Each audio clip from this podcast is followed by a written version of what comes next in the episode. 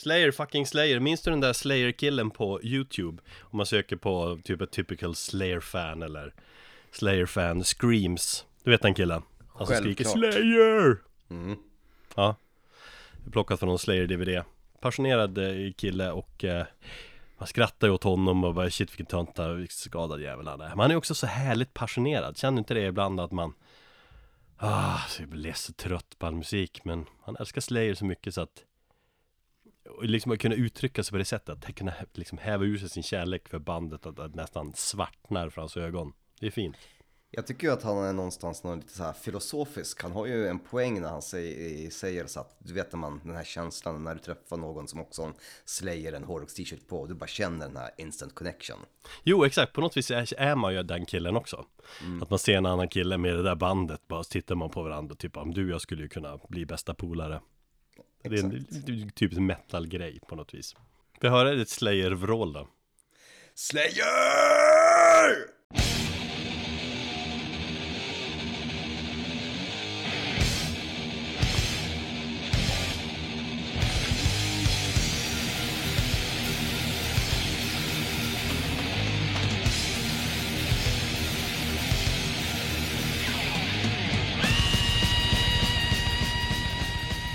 Hej och välkommen till avsnitt 163 av Metalpodden. Jag heter Erik. Du heter Thomas. Thomas. Stämmer bra det, Erik. Eh, våra söner är ju, håller på att läggas, eller så, din sover, eller min sover inte. Eh, Nej, nej, nej, mina, mina sover inte. De håller på att somna här, eller ja, min, min fru håller på och eh, trilskas med dem. Det är jag alltid är- något.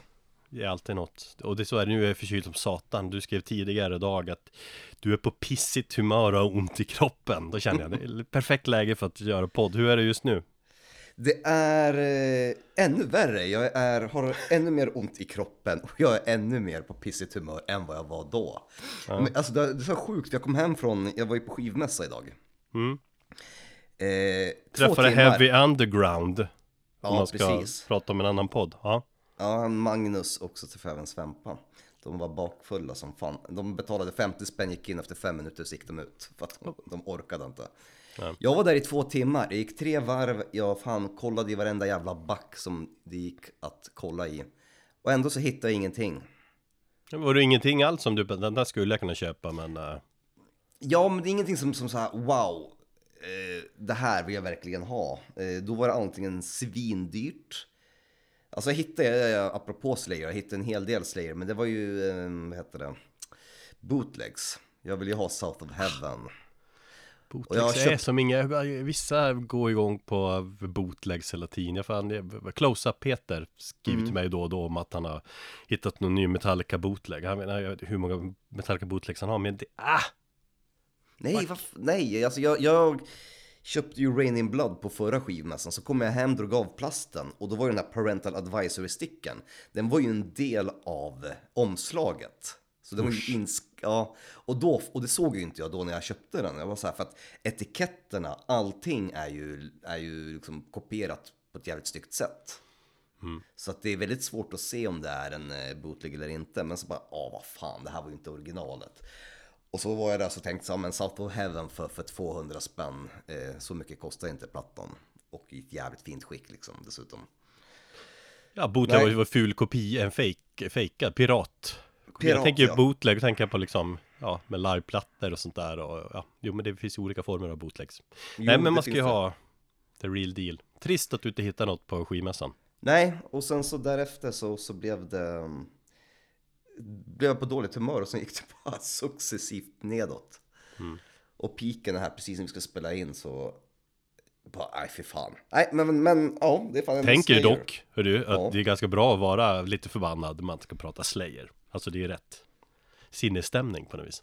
Det är sant, det är det. Hur är det med din förkylning då? Med din mancold? Ja, nej det var kämpigt i natt eller några nätter där men Och jag kanske kommer att jag, låter väl kanske lite nasal eller sånt där och, och jag kommer kanske behöva snora och hosta och nysa och ha mig eh, Och jag är liksom allmänt se- seg för jag försöker liksom komma igång här nu så att det, det får det vara Det är, det är ofta vi är, alltså, vi är aldrig på 100% i den här podden ändå när vi spelar in Nej, det här. kommer vi någonsin vara det? Aldrig. Nej, jag hör till Vi kommer aldrig vara 100% någonsin.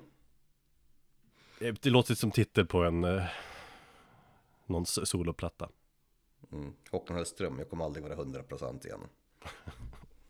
Jag var aldrig det Nej, nej precis Vi släpper Childs debutplatta Medications in Filth 16 februari via vårt skivbolag Eat Heavy Records Och den går att förhandsboka En vecka efter att ni hör det här avsnittet. Det finns fortfarande plattor, så förboka skiten ur dem. på eatheavyrecords.bigcartel.com eller klicka dig fram till sidan via vår Instagram då, Elite Heavy Records. Jävligt bra skiva är det. Jag tror, att, jag tror och jag hoppas att den kommer liksom att få lite genomslag i metal-Sverige eller i grindcore-communityt. Om det nu finns ett sådant community. Ja, eh, det hoppas jag faktiskt. Just som grindcore-platta så tycker jag att den sticker ut, så att eh, det vore jävligt kul. Men vi får se här när alla recensioner börjar eh, dimpa ner. Vi får promo-rapporten från våran PR-byrå. Och om det är någon som sågar har de inte fattat grejen helt enkelt. Nej, precis. Men du, vi ska snacka Slayer idag, men först måste vi också snacka lite om årets största kommande skivsläpp. Metallica släpper sin platta 72 Seasons 14 april. Det är en stor nyhet i hårdrocksvärlden ändå. Senast Metallica släppte ett album, jag måste ta liksom i lite perspektiv här, det var ju typ när vi startade den här podden. Så länge sedan var det. Hardwired kom den 2016. Vi startade podden våren 2016, Hardwired to Self-Destruct släpptes typ september 2016. Okej. Mm. Time Flies. Två låtar har släppts. Lux, Eterna och eh, Screaming Suicide. Vad tycker du om Lux, Eterna där? Eh, Lux, jag tycker om solot. Va? Och Du jag är den i när alla minoritet. sågar? Ja. Ja. precis. Och jag är i minoritet eh, när jag säger det också. Eh, ja men det är väl kul att, att e- inte höra ett typiskt jävla wow-wow-solo från, från eh, Kirk Hammett, eller hur? Men jag, och jag vet om att folk tycker att det är skitdåligt eller att det inte passar eller att det är för tekniskt eller att det låter för modernt eller för att vara Metallica. Det är ju det jag gillar, att för, för en gångs skull så låter det rätt fräscht. Ja, jag tycker väl, jag är lite orolig för Kirk ändå. Jag tycker, jag tycker solet funkar helt okej på den låten, men hans filosofi till gitarrsolen är liksom numera 100% improvisation. Eh, Och det funkar ibland, det kan bli lite coola grejer och det blir lite så här, eh, jag ser folk som försöker ta ut det där solet, att det är inte riktigt liksom helt eh, supertight, det är lite, lite så här, och det gör det väl speciellt. Men jag hade gärna sett att han skrev mer gitarrsolon istället för att han bara kör på, går på känsla. Så det där är bara improviserat alltså? Ja, det är så han jobbar med solen. Du kan ju kolla de två senaste typ dokumentärerna om deras platta, att han bara, han bara kör på känsla liksom. Men det, det har man inte alltid gjort. Nej, han har skrivit liksom grejer och han skriver vissa kanske licks och sånt där, men i det stora hela så bara tok improviserar han. Och det är så, det är hans approach till gitarrspelning helt och hållet nu för tiden. Och i och med att han är lite slarvig och sånt där så kanske jag, jag tycker med, med att jag kan hans teknik och sådär så att det, ja, det är Metallica Kirk Hammett. Första singeln är i alla fall bättre än den andra. Ja. Så mycket kan jag säga, men ja, jag vet inte. Jag känner du pepp? Ja men, ja ganska mycket ändå. Jag vet inte, jag tycker första singeln tycker var eh, liksom, den får modernare hit the lights. Jag tycker den låter jättemycket new wave och british heavy metal. Det är väl ganska kul? Framför, ja, framförallt mycket Diamond Head, väldigt mycket Diamond Head och det är det är ju det band som Metallica har tolkat mest, dessutom de alltid pratat om. Metallica inledde sin som karriär bara liksom att spela halva spelningen med Diamond Head-låtar. Det kanske inte alla vet liksom. Och på första Diamond Head-plattan, jag tror det är sju låtar på den skivan och Metallica har spelat covers på fem av dem. Så det säger ganska mycket. Ja. Och sen en jättetydlig hyllning till Motorhead eller Overkill med det dubbeltrampet. Ehm, Ja, en härlig låt, snabb, rak, rockig, cool, fan, snygg produktion tycker jag ändå. Lite, det är lite rockigare Metallica och det är kanske lite ärligare där de är liksom nu. För att man första gången riktigt hör de tydliga influenserna. På något sätt. Så inte att det är revolutionerande och det är helt ny grej i Metallicas utveckling, men ja, den tycker jag väl Screaming Suicide är den är sämre, men den har ändå tagit sig. Jag tycker introt känns som en parodi liksom på sig själv, på Metallica. Men ja, så tycker jag att andra delen av refrängen, när han sjunger Keep Me Inside, My Name Is Suicide, så här, då blir det lite för glatt. Men det är en cool låt, coola varianter på riffen, svänget och jag har väl, ja men en tre av fem. Men känns inte, apropå glatt, känns inte Heltfield lite glad nu också? Ja, men det är lite, fan, det är lite rockigare och blir lite mer glatt. Jag, jag tror det är lite mer där de vill vara. Ja, men jag tänkte som, som person, jag vet ju att han tog ett återfall och hamnade på rehab igen och nu verkar han, men han verkar liksom, han verkar så glad i intervjuer. Ja, jag vet inte, jag tycker lite mörker i, i han. Sen där det hände igen att han, eh, ja men nu när han liksom, ja, temat är väl jättefint. Fint fint med Screaming Suicide, det är som alla som Det är så många som tar livet av sig, det är så få som vågar prata om det liksom. Att han vill mm. öppna upp. Att man mår dåligt. Och jag känner att det här är liksom, mycket hans rehab Tänk Och liksom bara 72 season syftar på de första 18 åren som har format den. Um, Och han har säkert pratat mycket sånt i sin rehabilitering mm. Men det kommer bli en lång platta. Den är ju över 77 minuter och har stått. Åh fy fan. Så om någon tror eller har förhoppning om att majoriteten av låtarna kommer vara lika kort som Lux Eternal så tror man fel. Jag räknar på det där precis innan vi kör igång. 77 minuter. Om vi tar bort 9 minuter för de två singlarna. Då är det 68 mm. minuter kvar. Som resterande 10 låtar ska dela på. Så det betyder liksom att snittlängden på övriga låtar kommer vara 6,7-6,8 minuter långa. Så det blir i regel långa låtar ändå. Mm. Ja, vi får, ja, precis. Det ska bli intressant att, att höra. Även om min pepp kanske inte är så jättestor. Men, men, men den är ändå det... där någonstans. Alltså du är nyfiken. Jag tror du bara skulle jag tänkte nu ska jag babbla och så får du sucka som fan åt allt. Ja, men du alltså, känner alltså ändå någon... det var exakt det jag tänkte göra när jag såg att du skrivit upp det här. Men jag ska inte sitta och negga alldeles för mycket. Nej men alltså vad kommer jag göra? Jag kommer ju lyssna på plattan som jag gjorde med, med Hardwired. Och sen så kommer väl ja, och gå vidare i livet. Jag tror inte det kommer, det kommer inte innebära någonting större för mig. Nej, nej. nej men jag tror att det kan bli, jag tycker Hardwire var riktigt bra platta förutom några, några låtar för mycket, så kommer det vara här också men ja, jag hoppas och tror, jag är jättenyfiken på vad de andra låtarna kommer vara för typ, alla kommer inte vara det här liksom rockiga, det kommer vara någon lugnare och jag tror det kommer vara en, en jättelång låt. Ja, det lär ju komma en uh, ny singel tror jag också innan plattan släpps. Ja, det, absolut. Sen ska de ut på turné och det är liksom, jag tycker Metallica som är intressantast live när de har en världsturné för en ny skiva. Då, då, då får liksom skivan vara en stor del av setlisten. Och annars halkar de så lätt in på den här nostalgikänslan och ska hitta på olika saker varje gång. Mm, um, och så ska scenen vara i mitten på Ullevi där och så kör de två kvällar och så byter de ut alla låtar varje, varje kväll. Så man får ändå mycket valuta för pengarna. Um, Fan, du borde ju ändå försöka skaffa en biljett till en av dagarna. Har vi sett Metallica ihop? Det har vi inte. Uh, om vi inte gjorde det på Stockholm Fields 2014. Ja. Var du där? Jag var där. Det känns inte som att vi hängde då. Nej, vi hängde inte där. Jo, mm. Kar var ju jättegravid då. Ja, precis. Vi såg, vi såg lite grann.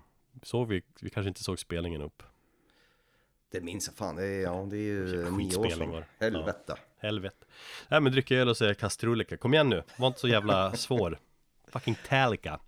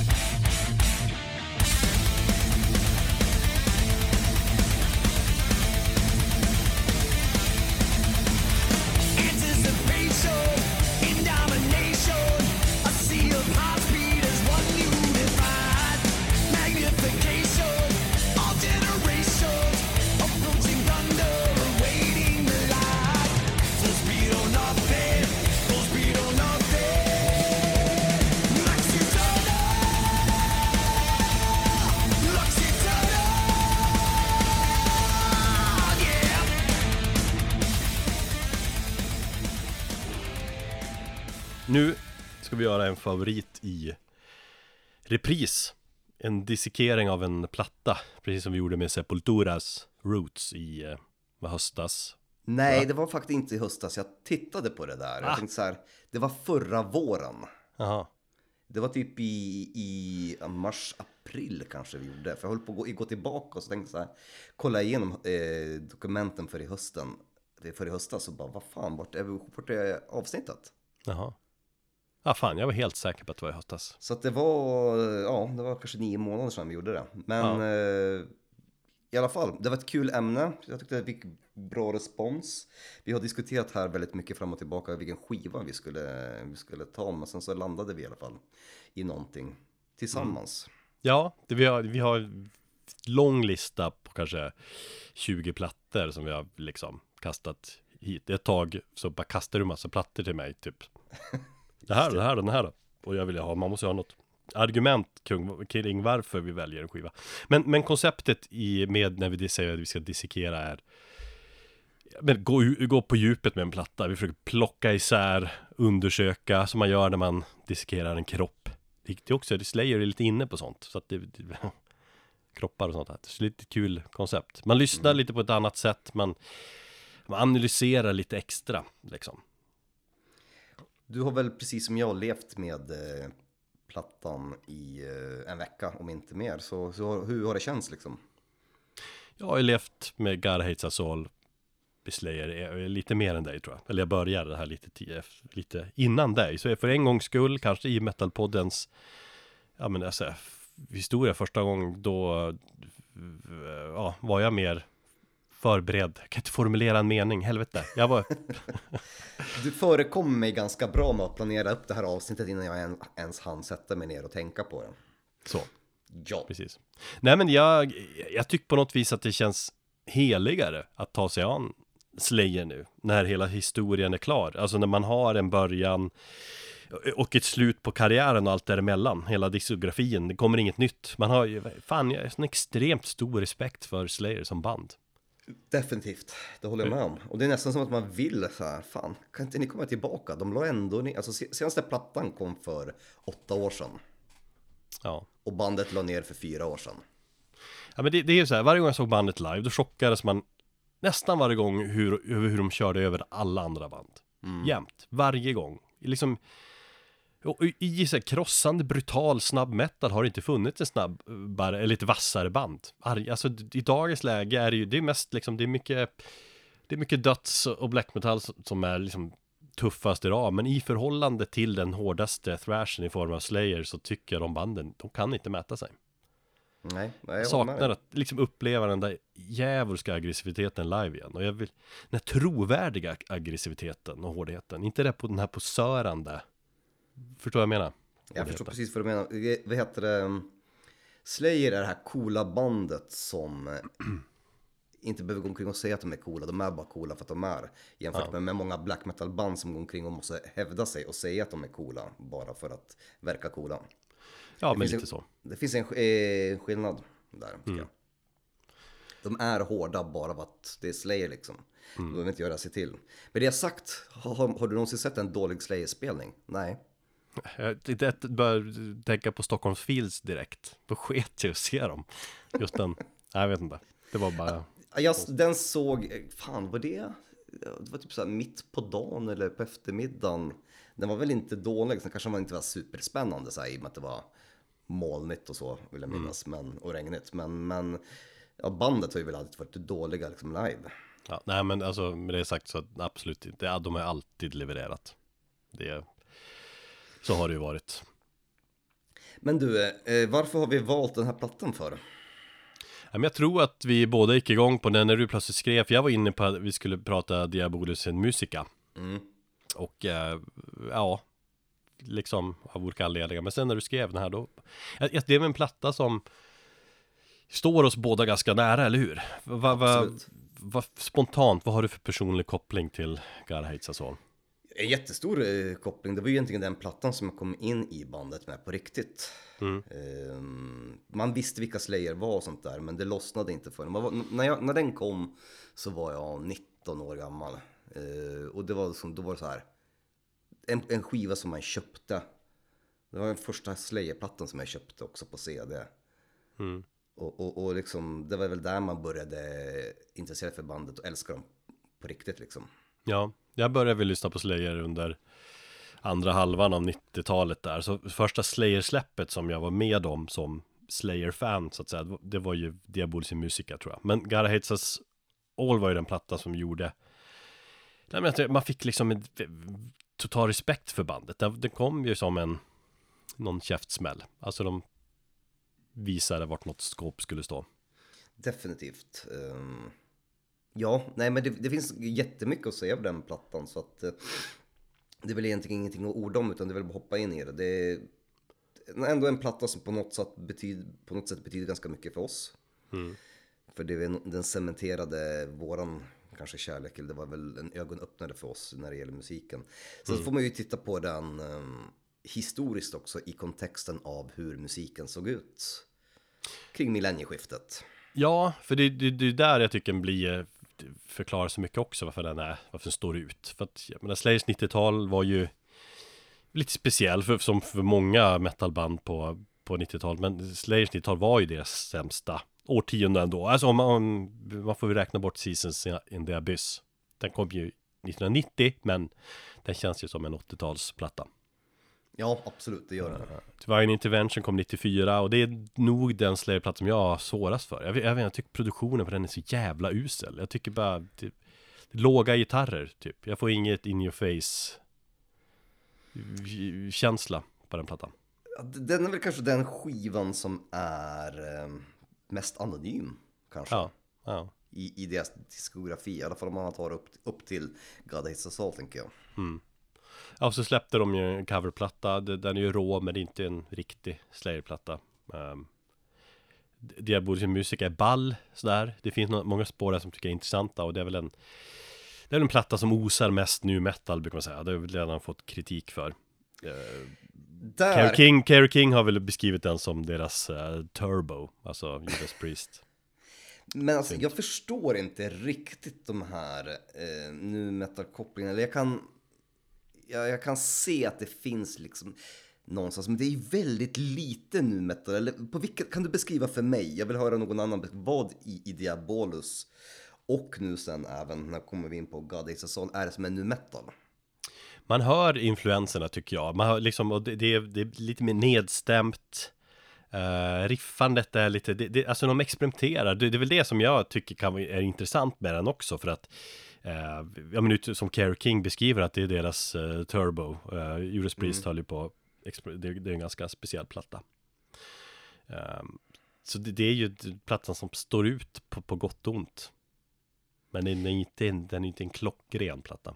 Nej, för att jag tycker ändå den låter väldigt mycket Slayer överlag. Sen så, de här nu metal-influenserna som folk snackar om, de är, de är ju där någonstans i bakgrunden. Men, men alltså, de, de gjorde ju aldrig någon så helomvändning tycker jag och blev mm. speciellt mycket nu metal som till exempel Machine hade gjorde och började rappa helt plötsligt. Ja, nej, nej, men det finns ju olika delar av den, den, nu metal också. Jo, definitivt. Och sen kan jag väl hålla med om, om du tar till exempel vissa av eh, låtarna på God Hates, God Hates Us All så har de ju mer de här amerikanska simplifierade, lite de här chugga chugga riffen som var väldigt vanligt för just metalcore tänker jag och för nu metal. Mm. Att de här riffen var bara, vet, var bara nedstämt och så var det bara, ja men power, vet du, power chords. Ja, och rytmerna är liksom lite nu metalskt. Ja. Men det är, för att jag, vi, vi, eh, vi har inte diskuterat så här, avsnittet så mycket, men vi skrev lite grann på Messenger, du och jag, att, att eh, det förekommer också att Gareth Soul har fått en del kritik att den är nu metal. Det har mm. inte jag riktigt läst, men eh, för det är väl mer Diabolus som är det. När jag lyssnade på bägge plattorna så försökte jag, jag eh, jämföra dem lite grann hur de lät så i den, liksom, med perspektivet på hur de låter i den tidsåldern. Eh, alltså det är väldigt lite tycker jag, men det är det är väl produktionen framför allt. Det är ju eh, när, de, när de valde den här Matt Hyde, han har ju väl gjort så här Parkway Drive och Deftones och sånt. Mm. Eh, så lite där har vi produktionen tycker jag det låter. Du har de här power chords som jag pratade om i vissa låtar. Eh, men det är inte mycket nu metal. Det var, det var någon, någon artikel där de pratade om att de fortfarande var fast i, i nu metal-träsket. Men jag håller inte med om det, men jag kan definitivt se att det finns eh, någon form av influens där. Men det finns en låt som står ut som jag tycker absolut den är finns mycket tydlig nu metal. Vi kommer till den sen, tänker jag. Mm. Men jag skulle också vilja liksom säga, eller fråga följande också. Liksom, om det nu är så kallade nu metal-influenser på Slayer då. Är, ja. det ned, är, är det enbart negativt? Alltså idag är ju eh, många som ansett all nu metal, eller allt som är påminner om nu metal, allt som har något med nu metal att göra. Det är typ det mest avskyvärda som finns. Jag tycker inte det är negativt alls. Eh, för det Men det är, alltså, i stora hela är det ju liksom den bilden folk har på nu metal, att det är det mest ocoola. Och, men, men, men jag liksom, helvete, det fanns ju mycket bra som hände där också. Det var liksom det, det förnyar hela, hela liksom namnet på genren, att det står att för det står för någonting nytt. Så det förnyar, det kommer nya vinklar, det var mycket aggressivt. Det finns ju många band, Deftones, uh, Slipknot, Machine Heads nu. Metaplattor har ju också lite grejer. Men fan, ja. System of Down. Alltså det finns ju Finns ju och fanns ju bra band Från Inget den eran ont också. som inte får någonting gott med sig. Jag kan väl hålla med om att, att den, den perioden är ju ganska crappig överlag. Men den införde ju säkert någonting som jag tror, tror behövdes i, inom metal. När vi gled in på 2000-talet. Och jag skulle vilja då säga att för just God Hates Us All och Slayer så är väl väldigt mycket aggressiviteten. Och det jag tänker på när jag lyssnar på Us All är ju faktumet att, bandet var ute ett år eh, och gjorde en världsturné med Slipknot som var the shit. Det hörs, för att det känns som att deras eh, turné med Slipknot och när de såg att det fanns ett par kids som kunde vara så jävla förbannade eh, och låta så jävla arga och aggressiva. Jag tror att det smittade av sig på Slayer som ändå hade hållit på då i, i 20 år nästan.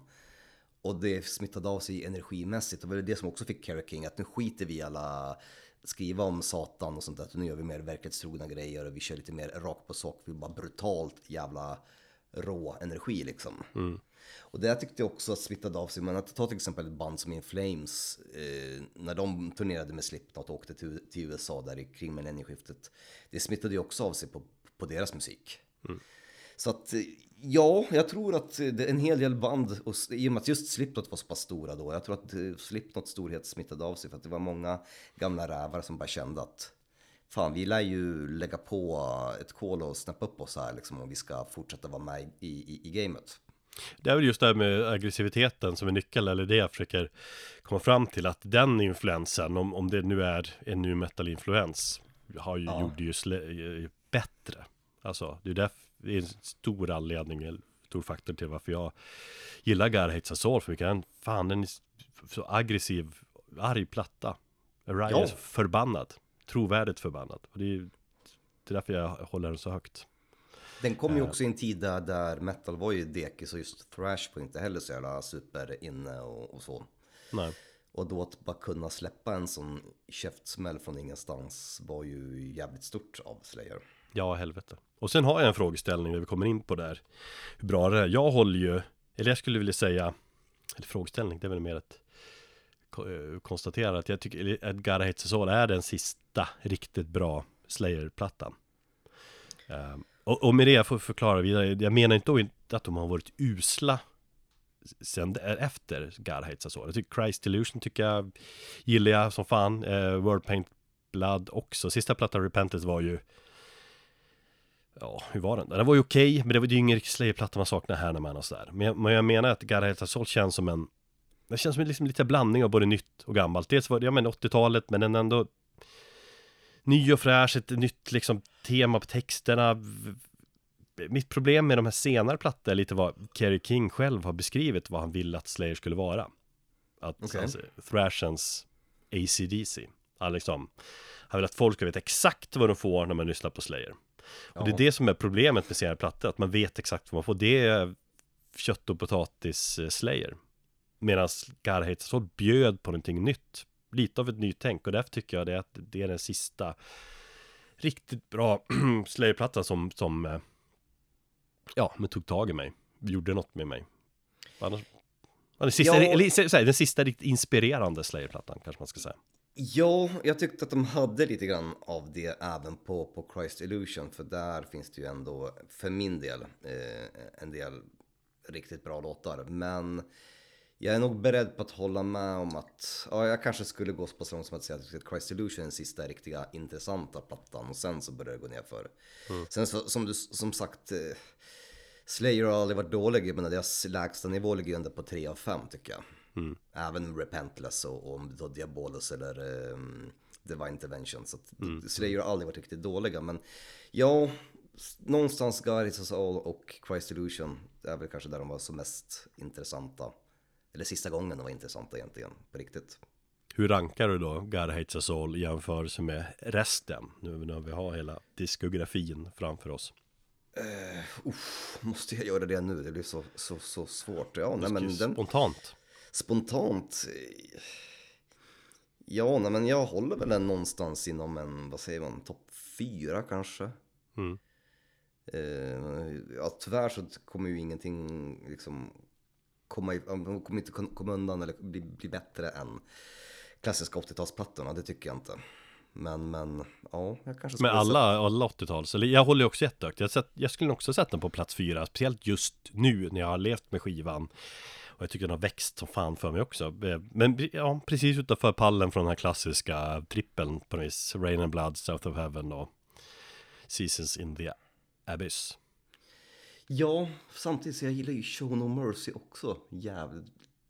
Den är ju skärm, ja jag vet inte fan. Hello, Hello Waits absolut, man håller högt också. Men men mycket för att jag, kan jag så mycket för att jag gillar mörkret liksom. Och allvaret i det. det är... Ja, det är ju det som gör den. Eh, gör den. Vi ser att den får någon sån här form av, eh, ja, det var ett tröstpris utanför mm. pallen, ett extra fint pris mm. på fjärdeplatsen. Sen så har vi ju omslaget också, eh, som mm. jag tycker är intressant. För att det omslaget tog ju, det vita omslaget pratar vi om, alltså det omgjorda omslaget, eftersom det första omslaget blev refuserat och censurerat. Mm. Det tog ju lång tid innan jag visste om att det vita omslaget inte var originalomslaget. Och för mig så är det också någonstans ganska klassiskt omslag. På samma sätt som Metallicas Black Album. Eh, så tycker jag att någonstans det här omslaget, när jag tittar på det så sa ja, klassiskt omslag. Och sen det var ju, fan, jag kanske in på, på 2008-2009 som jag bara vänta. Det finns ett ett eh, annat omslag som jag egentligen har tänkt. Ja, det första originalomslaget det, det är den här, det är en bibeln och så har någon slagit i spikar i den och så är det lite stängt med blod och Slayer är inristat.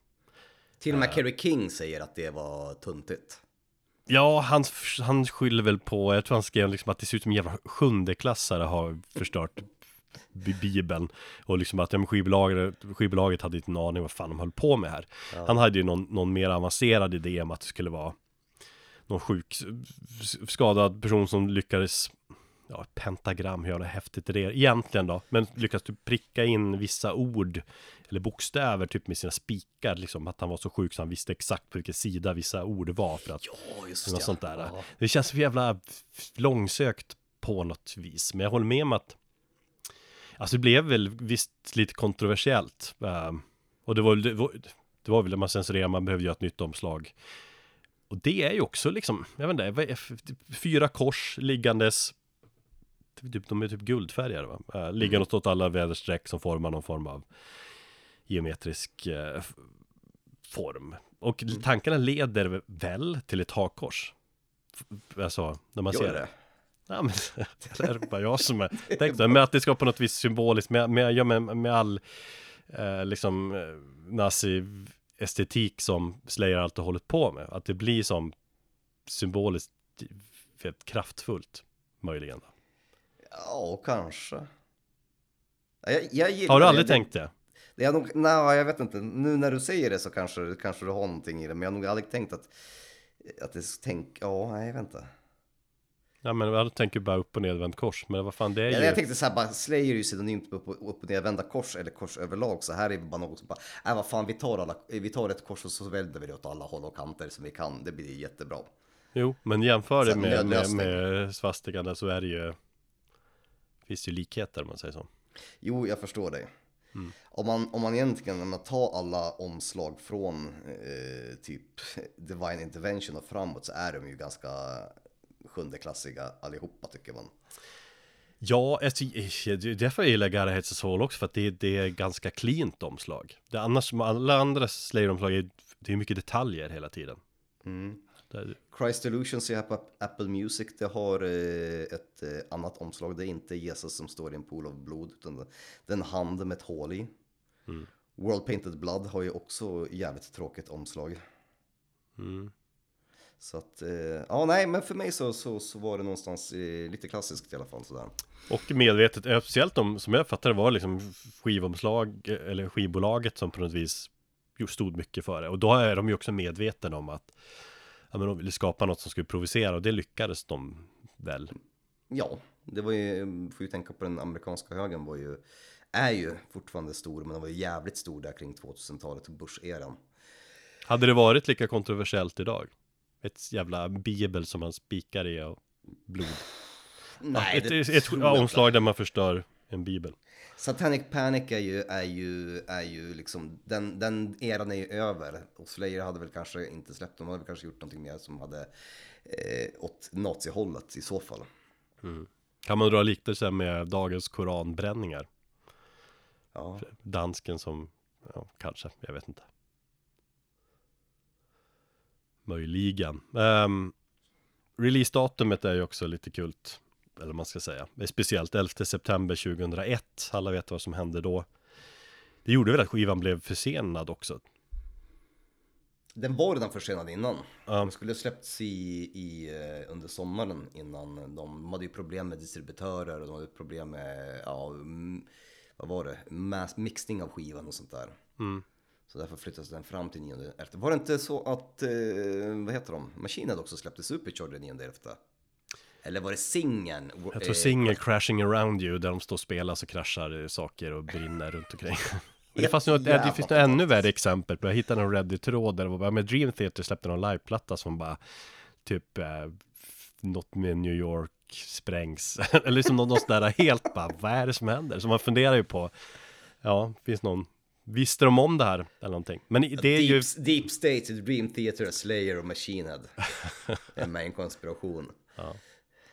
nej men titeln måste man, den passar ju, alltså, händelsen. Om, ja, Bra. definitivt. just den underliggande meningen i titeln us all som kan vara liksom visst är satanistiskt så men om, om grundtanken med är väl liksom att om nu Gud skapar oss alla efter hans avbild, eller hur? Ja. Det är du som är katoliken här. Eh, varför har vi så mycket kaos i världen då? Varför kan inte terrorister kapa flygplan eh, och köra in den i skyskrapor och, all den här ondskan och döden? Varför, varför? Varför helvete? Liksom vår, vår fader där uppe verkar hata oss. Fader vår som är i himmelen, helgat vare ditt namn. Eh, tillkommer ditt rike, så som i himlen, så och på Mm. jorden. Ehm, ja, nej, därför att vi har fri vilja, eller hur? Mm. Det är väl därför. Så, så då ska inte Gud eh, lägga sig i våran fria vilja. Mm. Eh, men nej, jag tycker det, det, det är fantastiskt också. Liksom, pekar lite grann på, på, på reli, religiös fanatism och sånt där. Mm. Ja, vi kommer väl till lite texter där. Eh, Rick Rubin har ju alltid producerat dem, i stort sett. Så var inte fallet med... Jag har inte riktigt fattat här. Ville han inte, eh, eh, var det så att Rick Rick Rubin inte ville jobba med dem och bandet vill inte jobba med honom eller? Jag har läst båda också, exakt. Jag har också försökt få kläm på det här. För jag läser också, eller dels läser jag att, att Rick Rubin har sagt att nej, han vill inte arbeta på ett nytt så här, jävla våldsam musik. Han, han kanske inte var så inne på, jag kollade upp hans 90-tal bara liksom var nyfiken, vad gjorde han då då? Liksom, vad producerade han för grejer? Och jag vet inte, Han, vad... han, var ju, han är ju jude så han kanske tyckte det var, var, var jobbigt. Ja, kanske det. Men det är System of Down producerar han Red Hot Chili Peppers och Slayer på 90-talet och massa saker som inte känns så intressant. Kanske så att han var väl inte inne på det där just då, men sen har ju Slayer också sagt att de vill inte samarbeta med, med Rick Rubin, att han, han hade, de menar han hade inte koll på vad de ville göra just då, så att de behövde en förändring. Just ja. Ehm, och då var det väl Rick Rubin, för han är ändå med som mm, någon form av producent i bra bakgrunden. Ja, executive, eh, Executive producer. Ja, han Ja. har väl satt sitt, satt, sitt namn på, på, på eh, liksom omslaget, det typ det, eller i, in, i texthäftet. Jag det. tror han som föreslog att de skulle samarbeta med Matt Hyde som blev den som producerade plattan. Och då, Jo, Ja, då blev det som kanske, jag vet jag tror det, det är säkert har påverkat såklart att det, det var väl vettigt att prova något nytt, ny, lite ny uppfriskande fläkt i studion eh, kanske. Känns som att påverkat till det bättre. Mm. Vad känner du kring trummisen då? Det är ju Paul Bostaff som lirar på Gara Hets Assault, Assault, inte Lombardo. Ja, eh, Passar skivan som fan. Mm. Med tanke på att de har en eh, väldigt rak approach på den skivan och den, den ska väl vara, då tycker jag att alltså Bostop är ju kung på den skivan. Sen så är ju, alltså jag är alltid, kommer alltid vara Tim Lombardo, så är det. Ja, så är det ju. Jag, framförallt live så kände jag alltid att Bostov inte riktigt Bostov fick alltid kämpa lite mer kändes det som än mm. Lombardo Men sen eh, Bostov, jag tycker han gör ett otroligt bra jobb på God Hates Us All Så att, ja Ja, men han, han, var, han passade just i, i, i med, med det som bandet ville, ville åstadkomma. Ja. Och hade skivan låtit, liksom, men säger, Bostop är mer rakt på sak så medan eh, Lombardi är lite mer kringelkrokig och kanske har lite mer komplexitet i sitt spelande och det hade ju inte passat en sån här skiva. Tycker jag inte. Jag tycker att... Jag, jag, vet, jag vet inte, för spontant ska jag kunna säga att fan det är det motsatta också. Jag, jag, jag vet inte om jag skriver under på det helt och hållet. Jag tycker fan Bostop gör ganska avancerade grejer på den här. Jag hör hans trum, coola trumgrejer lite här och var. Men, ja. Ja, fan vet jag, jag är inte trummis. Nej, det är inte jag heller. Sen fick han ju en armbågsskada direkt efter den här plattan hade släppts. Så att Lombardo kom tillbaka. Så var med i tio år innan till typ 2013 innan Bostop tog över igen. Okej, okay, så Bostop var med på Slayers sista platta? Alltså typ, ja, jo, de körde ju tio år var på något vis. Lombardo mm. var med typ första tio åren, sen hoppade han av efter Seasons med Byss väl och så sen Bostaf var med hela 90-talet, sen Lombardo hela 00-talet i stora hela och så sen Bostaf sista. Så att de bytte varandra. Mm. Det var så här, det har gått ett årtionde ja, nu får du fan ta över. Pallar inte med Kerry King. Nej. Ska vi gå in på låtarna och göra den riktiga dissekeringen, låt för låt? Det ska vi. Jag skulle dock vilja säga en sak, en sista sak. Okej. Okay. Det som jag verkligen tycker står ut på platsen vi var inne på. Uh, det är ju texterna. Ja. Det är, det är, mindre satan och det är mer relaterbara texter. Eller King har sagt att det, there's no satanic or supernatural elements. Liksom inget Dungeons and Dragons utan det är mer saker som gjorde dem då förbannade. Det var sånt som, som King och Hanneman skrev, skrev texter om. Och eh, Nej men det, ja, det är ju en anledning till att plattan är, låter så extra förbannad och trovärdig på grund av texterna som är trovärdigt arga. Jag tror, jag tror Araya aldrig, aldrig har låtit så arg, trovärdigt arg någonsin. Eller om man jämför de andra plattorna. Det här är liksom peak Araya arg på det vis. Jag tänker på att han fick en, i en intervju så fick han eh, frågan jag tror den finns någonstans på Youtube, en, en gammal intervju. Han fick en fråga om vad, vad God hates us all är meningen och, och, och betyder något som djupare innebörd. Han bara nej, men det låter bara så jävla coolt. Och sen så, ja, flinar han sitt Tom Araya-flin liksom. Ja. Ja, det, ja. Det, det är just själva alltså albumtiteln bara tycker jag är snygg och den är så in your face också. Ja, det ju skickliga texter så, men jag tycker mycket med texten att det det visar ju mycket att Slayer har mognat eller har utvecklats. Jag, eh, men jag tänker att de inte vill vara bandet som, alltid, som alla snackar Om man ska liksom köra någon, liksom, det är Slayer, vad är det för band egentligen? Ja, men då drar man upp liksom Angel of Death, ja, de sjunger om Men vad är de nazister? Nej, de sätter sig bara in i, i, i Mengele Och så just texter om förintelsen och sådär, det är väl, de bara, ah, fan vi får, vi får titta åt ett annat håll Vi kan inte bara, mm. liksom vi kan inte bara skrika om Satan och, och förintelsen utan vi, vi kör lite mer så, texter som, som folk kan relatera till. Precis. Um, vi kommer komma in lite mer på texter för att jag har lite citat därifrån uh, framöver. Mm. Så att uh, låt, eller skivan börjar ju med ett faktiskt uh, ett fint intro. Ja, fint och fint, det är exakt. Det är Eh, fan, vad känner man kring introspår igen? Man är kanske inget fan så här, eller jo, det kan man väl kanske vara också. Men det, alltså det, det, så här, det är sällan ett intro verkligen gör någonting med mig, men jag tycker att det här är ett jävligt bra intro. Lite så här, äh, ja, kus, lite mardrömslikt liksom intro till den här plattan. Det är liksom en härlig soppa med röster i bakgrunden i thrash riff blandas och så är Raya som kommer in där på slutet med Uh, only in the darkness of Christ I realized God hates us all. Ja, det är så fan gåshud när han säger Ja. det. Det har jag gått omkring och nynnat på i hela veckan. Ja, Det och sen så typ första verserna i, i Disciple. Nej men jag håller med dig där om att själva introt, eller att introt överlag kanske inte alltid gör någonting om det inte fyller ett, eh, fyller ett speciellt syfte.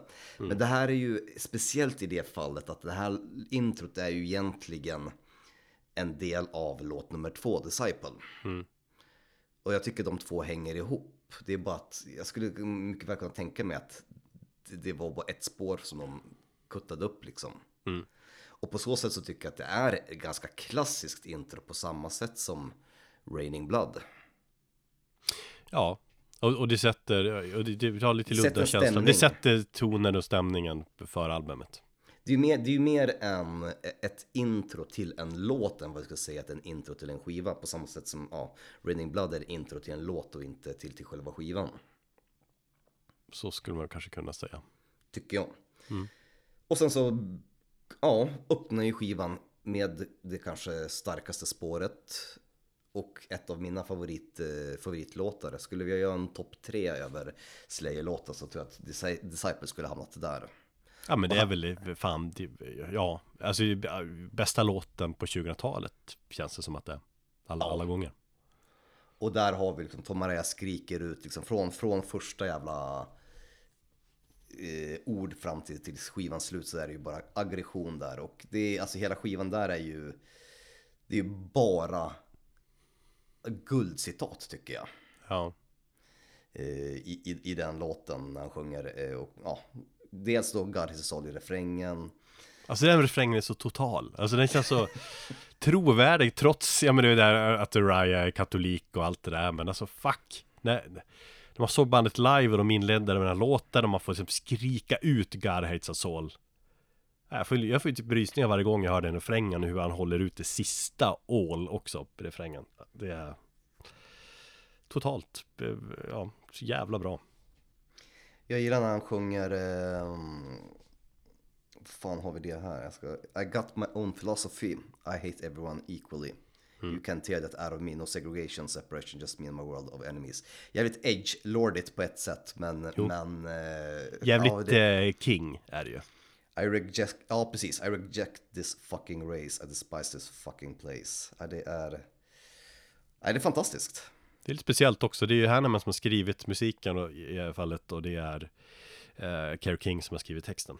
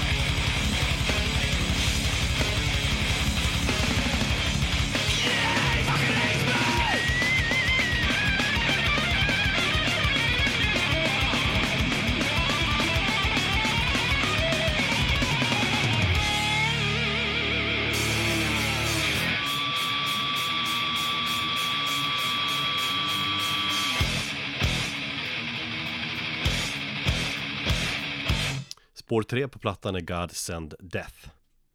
Um, mäktig låt det också. Fan, jag tycker att den är catchy, den är ondskefull. Jag, jag roade mig med att läsa, alltså jag läser jävla mycket texter på den här plattan också nu. Men, men eh, känslan jag får är det läste det är Hannemans klassiska fascination kring eh, mördare. Eh, och man får känslan av att han har satt sig in i liksom på något vis njutelsen, hur mördaren känner och hur mäktig han känner sig när han mördar. Känner sig som en gud, typ. Mm. Så finns det en detalj i den här låten som jag alltid har gått igång på. Jag vet inte om jag tyckte det var tänkt på eller bara Ja, beställt i ögonblick. Efter andra refrängen så bryts ju låten av med någon form av wow-effekt. Ja, och han sjunger eh, där Clawing at the eyes of God. Och Mm. liksom, ja, det blir lite svängig. Jo, men just det där wow-grejen gjorde sånt jävla intryck på mig första gången jag hörde det. Typ att, aha, Slayer kan få en wow-pedal att låta otroligt coolt. Eller coolt, det kan låta stenhårt. Det låter inte Kirk Hammett om vi ska röra en parallell. Det låter satanic, satanic wow på något vis. Och det- Satanic, wow. Ja, och det har gjort- sånt intryck på mig liksom att jag, jag, jag brukar ha det liksom i, haft i åtanke alltid när jag har spelat gitarr typ. På mitt pedalbord, jag ska ha en wow för att jag någonting har jag Gods and Death grejen i, i bakhuvudet ofta. Ja, men på vår senaste inspelning, gratis, du ska göra reklam för Nihilistic Vision på, som vi släppte, på, då har jag en del wow. Eh, ja, men någonstans i bakgrunden tänker jag att ah, det ska vara lite Slayer wow mörkt. Tack vare den här låten. Jag förstår det. Jag håller med dig. Mm. Spår 4, New Fate. Eh, Topp 5 skulle jag definitivt eh, platsa den här låten på också. Då genom av alla Genom, Slayer. ja, ja, jag tror att två av mina absoluta favoritlåtar i Slayer kommer från den här plattan. Det är Disciple och New Fate. I, i, dels i leverans av, av liksom thrash riff och aggressivitet. Samtidigt som du har alltså texter som är så pass fantastiska. Så att, Jag älskar den här eh, låten också, speciellt den här långa refrängen. Eh, King-typisk hata religion-text va? Ja, och det finns ju, eh, det finns ju ingenting snyggare än när, när eh, musiken stannar av och eh, Araya börjar skrika I keep the Keep Bible in a pool of blood. blood. So none of its lies can affect me. Gåshud där. Mm. Eh, ja, nej, det, det, det är fantastiskt. Jag kan inte säga någonting mer än, mer, mer, mer än så liksom. Men jag är också liksom det, det här äh, ja, med texten där han liksom på något vis frågar sig hur, hur, fan, hur ska ni alla troende nu, nu reagera när, det kommer, när de kommer till insikten eller blir bevisat på något sätt att det är så, när det uppenbarar sig att Gud inte finns. Det finns ingen räddning för det. Kaos kommer fortsätta, allt är meningslöst, det är så ni- nihilistiskt på något vis och fint. Mm. Ehm, ja. Care King i sitt esse där.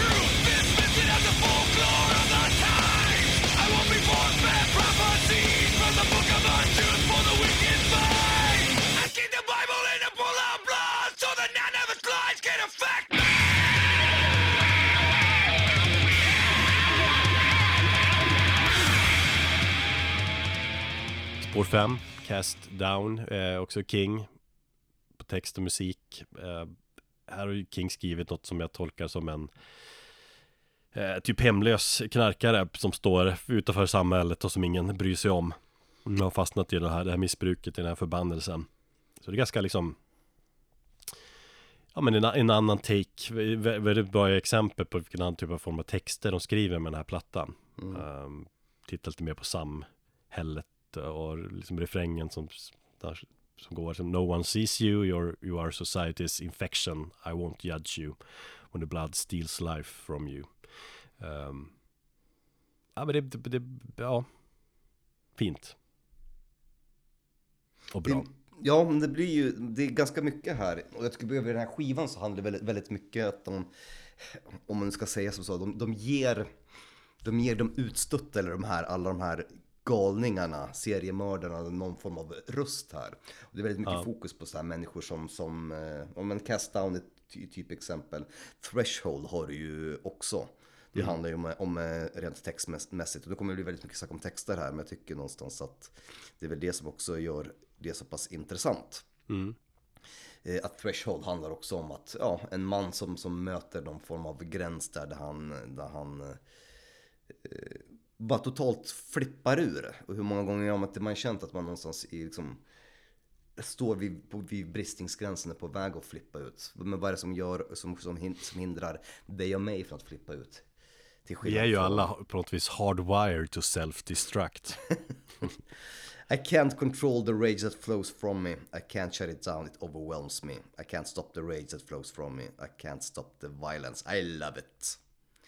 Det här är ju nu metal-låten enligt mig också, och enligt många.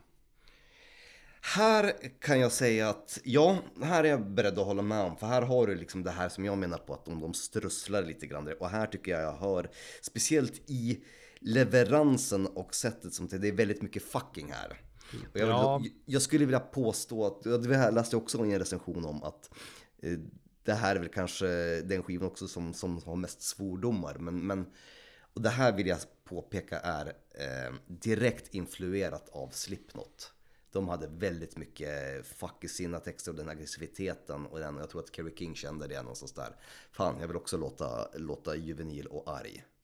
Jag är lite väldigt förvånad att det här är man som skrivit låten, eh, musiken. King har skrivit texten. Jag vet inte, det känns som att man... Jag hade ju valt King den som skulle vara mest nu metal-inspirerad. Men det, det är han väl i, i texterna. Men i, riffet också är väldigt där, nedstämt. De här ja, liksom, ja. pauserna. Och det är någon halv breakdown där också som tycker jag känns väldigt nu. Så att säga. Och du har ju de här power, power chords nu i den låten ganska mycket. Mm. Också. Spår 7, Exile. King, text och musik, eh, klar höjdpunkt på plattan för mig Jävligt coola riff, Jag- det är Bostoff, eh, kungen Tycker första riffet, fan lite meshuggigt i rytmen på något vis Ehm, Eh, och jag bara tänker på, på refrängen i den låten också. Den är också så, så jävla härlig. Nej, men det jag håller med om, det är också det är en av plattans eh, höjdpunkter. Och här då, eh, innan du fortsätter så vill jag bara säga, här har vi för mig eh, en brytpunkt i, i skivan också. Vi har kommit halvvägs in i eh, All. Jag tycker att första halvan av, eller om vi nu ska säga, jag, jag vet, nu vet, har inte jag vinylen så jag vet inte exakt när B-sidan börjar och A-sidan tar slut. Men jag kan tänka mig att det är någonstans här vid sjätte eller sjunde låten. Eh, och jag kan tänka mig att Exile är starten på B-sidan. Låter jättetroligt det låter ju väldigt vettigt. Och då, då att börja B-sidan med en jävligt hård låt är okej. Men det går väldigt fort nedför här. Jag skulle säga att A-sidan är jämn och håller hög kvalitet. B-sidan på den här plattan, och jag kommer komma till det lite längre fram här. Eh, där sjunker den. Den levererar med Exile, sen så sjunker den pladask innan den kommer upp igen. mm. Jag vet inte om det är en... Nej, jo, nej men alltså, vi- absolut. Om man balanserar liksom A och B, eller de, de första halvan mot andra halvan, så är det första halvan tydligt bättre. Mm. Det håller jag med om. Men jag tycker också att Exile står för att den är så jävla arg. Typ så här mot en person som man hatar. Alla, alla känslor man har mot en person man, man helt enkelt inte tål. Det låter som bara fungerar utmärkt när man är jävligt pissed off på och, och liksom bara seriöst behöver bara få ur sig äh, ja, när man är förbannad helt enkelt. De känslorna. Då är den här, den här eh, vet jag inte, exile, vad fan ska man fly, eller vad ska man, ja. Um, nej, men det, det, så, den låten passar jättebra då. Give me a reason not to rip your fucking face off.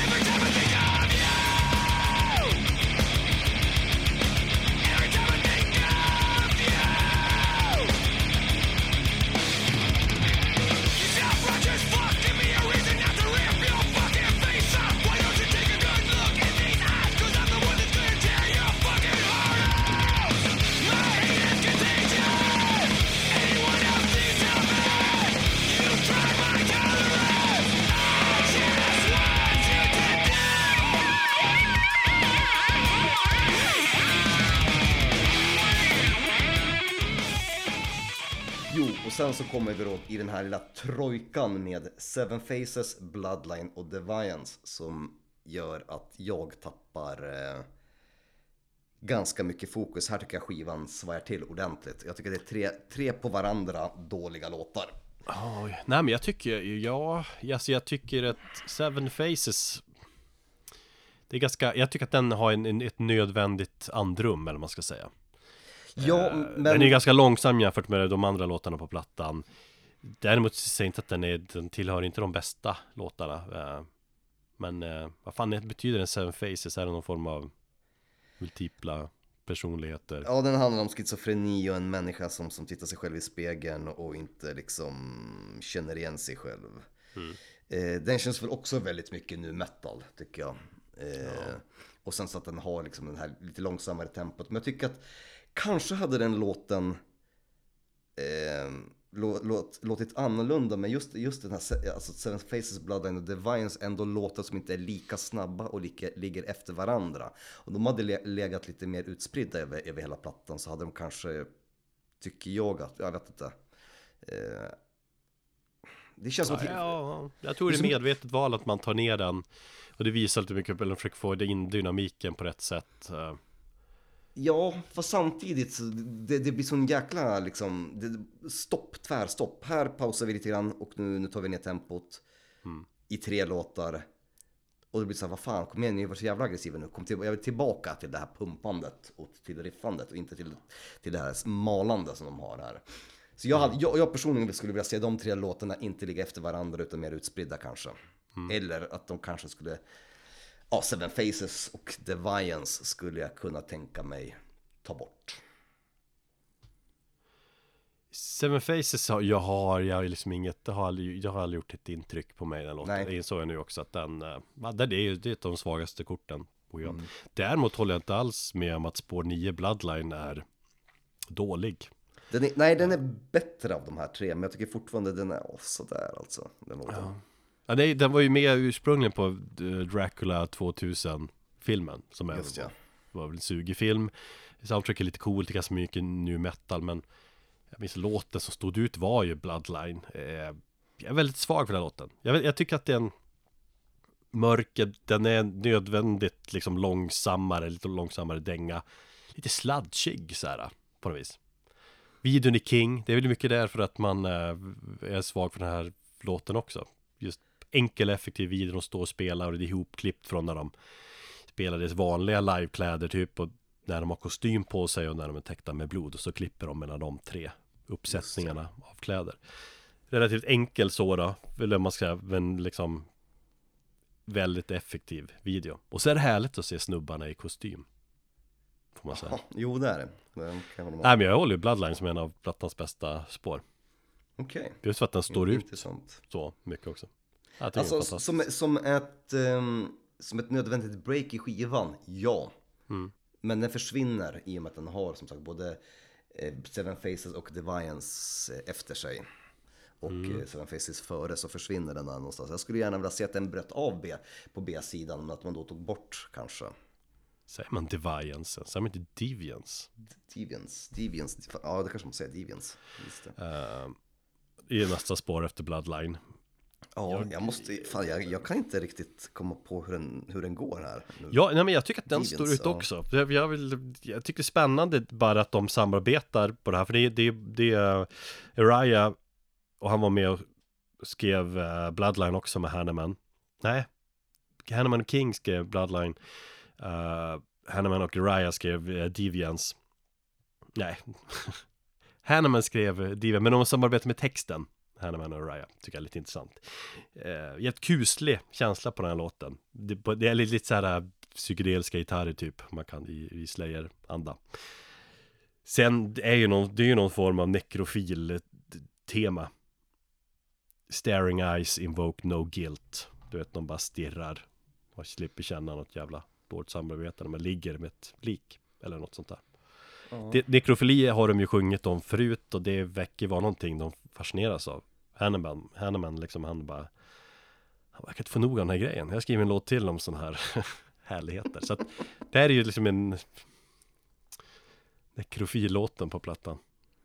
Och, nej, det, och det med det temat tycker jag att den är, om du lyssnar bara på introt, jag tycker att den står ut av den anledningen. Ja, jag, eh, nej, det, den gör tyvärr ingenting för mig. Nej. Men det är kanske för att jag trodde att den hette Deviance.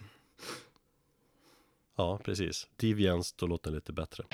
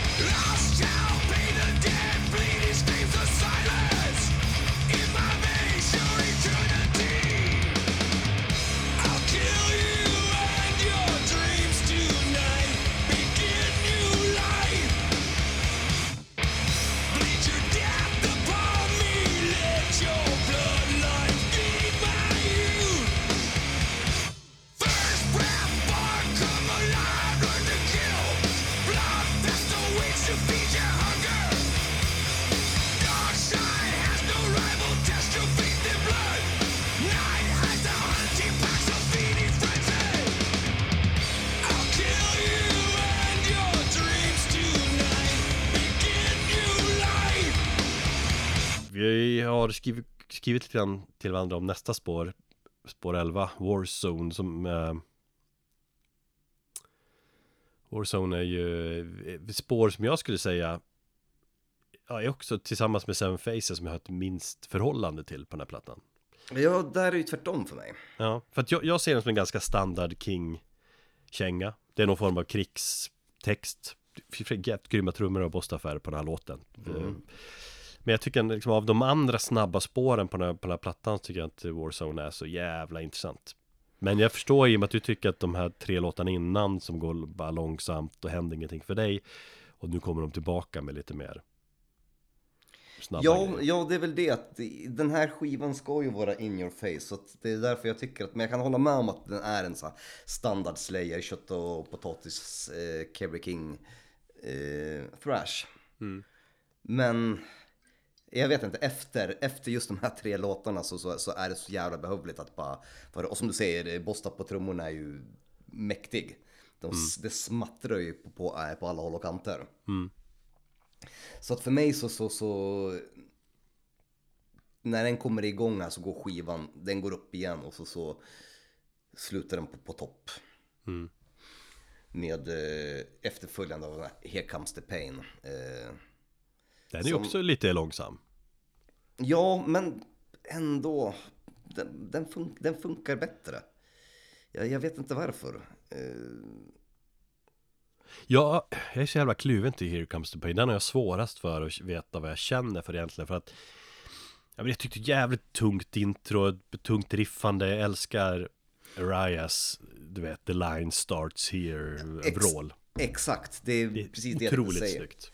Det är skitsnyggt. Och sen så är gitarren, de gör väl en jävla effekt på gitarren där också när han Mm. skriker det. Som jag tycker, nej, den, den är... Samtidigt, Ja, och det är det vi kommer komma till här nu att eh, För när jag har försökt analysera texten och så och, och Det skrevs ju ursprungligen För någon sån här wrestlinggala eller någon, någon tv Wrestling show eh, okej. ursprungligen Så att den har skrivits med det liksom eh, Tänket att det, det skrevs för att pumpa upp folk inför wrestling typ. Så att då, då får jag lite bara Here comes the pain. L- Lite såhär, vad heter Megadeth-låten som deras wrestlinglåt. Som är så jävla dålig. Wrestling är inte äkta. Eller ja, det kommer jag argumentera för också.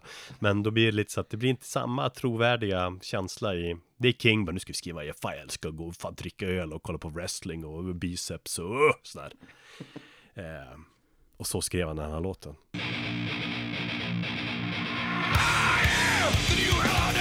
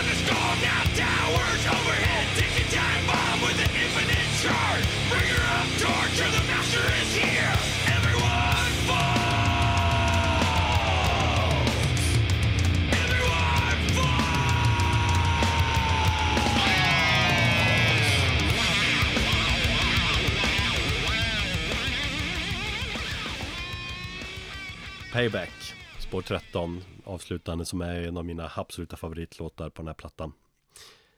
Snabb och rå, punkig, mycket King är det här också Men det är väldigt många fuck och fucking. Jag tror han sjunger det 30 gånger, Araya. I bara den här låten? Ja. Det är hela fuck hela tiden.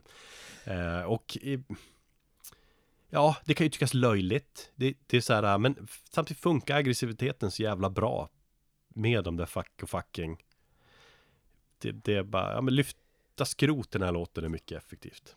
Och spontant Det är inte deras argaste låt men det Eller det är inte deras snabbaste eller tyngsta låt men det, det är Kanske deras argaste sång just det där. Jag, jag, jag, jag alltid varit svag för payback. 16, 17, eh, Håller på att räkna alla ja, och fucking 18, eh, 19, mm. 20, 21, 22, 23, 24, eh, 25, 26, 27, 28, 29. Exakt 30. Ja, jag Gånger. vet. Jag har själv läst Du har räknat. Ja. Ja, det lät som du bara drog det i stjärten. Jag gjorde för att jag tänkte, det är så jävla många gånger jag säger det. Det måste vara någon form av rekord. Ja. Ja, det finns ju så supercuts av, eh, av eh, alla gånger som, som eh, Slayer sjunger eh, Death. När Eh. sjunger Death jävla snabbt också, så det är verkligen om Death, death, death, death. Ja, det är ju eh, typ över 200 gånger, nästan tror jag närmare 300 gånger. Jag undrar om det finns på den här låten också. Fuck. Ja. Ja, nej. Nej, jag håller med dig. Det, det, är en, det är också en fantastisk och jävligt punkig dänga. Och Jo men exakt, den är ju mer på punk sak. hardcore liksom Och det vet man ju att de gillar från, från uh, coverplattan de släppte på 90-talet och sånt Så att det gör att den här låten står ut mycket Den är mer punk än thrash på något vis Mm. Även om då Punken är en stor del av thrash Stämmer. Thrash Ja, saknar du Slayer nu då? Men jag inledde ju bara säga det hur mycket fan jag saknar dem Jag tycker Men saknar dem ännu mer? Ja, det gör jag. Jag, jag, jag, också, jag gillar ju Gara Hetason mer än någonsin nu också. Jag tror det skulle kännas lamt där och kännas, ah, jag har ju kanske åldrats lite så jävla, ja, det är lite muppiga texter eller det, oj vad arg han var, fuck, fuck, fucking hela tiden och sånt där. Men eh, det är trovärdigt aggressivt. Mm. Han är så jävla arg.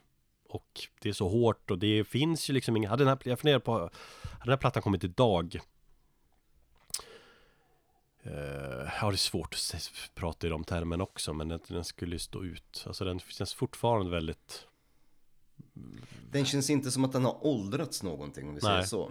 det är det jag försöker säga. Möjligtvis, möjligtvis lite grann i produktionen då för att du har den här eh, du har lite grann den här millennieproduktionen men låtmässigt och, och, och sådär så tycker jag inte att den har åldrats någonstans. Ja, men ja, jag, tycker, jag tycker produktionen är bra också. Det är, de har släppt usla, mycket uslare produktioner förut, och- eller efter också. Otroligt bra platta. Har du den på eh, vinyl eller? Nej, det har du inte. Nej, jag har inte det. Jag har bara, vad har jag? Hella Waits och eh, Show No Mercy. Sen så har jag eh, en jävla bootleggad Rain in Blood. Det är dåligt. Nej, men det är ju en diskografi som man måste ha på vinyl, säger man och så. Men eh, Ja, jo. ska jag skaffa när jag försöker, när jag ska börja köpa vinyl igen. Försöker jag köpa bara sten nu, bergkross. Jag kollade faktiskt efter den plattan idag på skivmässan men den- den fanns inte såklart. Nej, du såg framför dig, eller hur? Att du skulle posera med den i ett Instagram-inlägg framöver. För att promota det här avsnittet, yes, stämmer bra. Det är så man måste tänka här då. Jag känner dig. Bra. Ja men eh, fan, fucking Slayer man. Fucking Slayer. Ja, nej fan, jag fick ja, kick. Kick av det här. Avsnittet, kul att göra var det och eh, man älskar Slayer.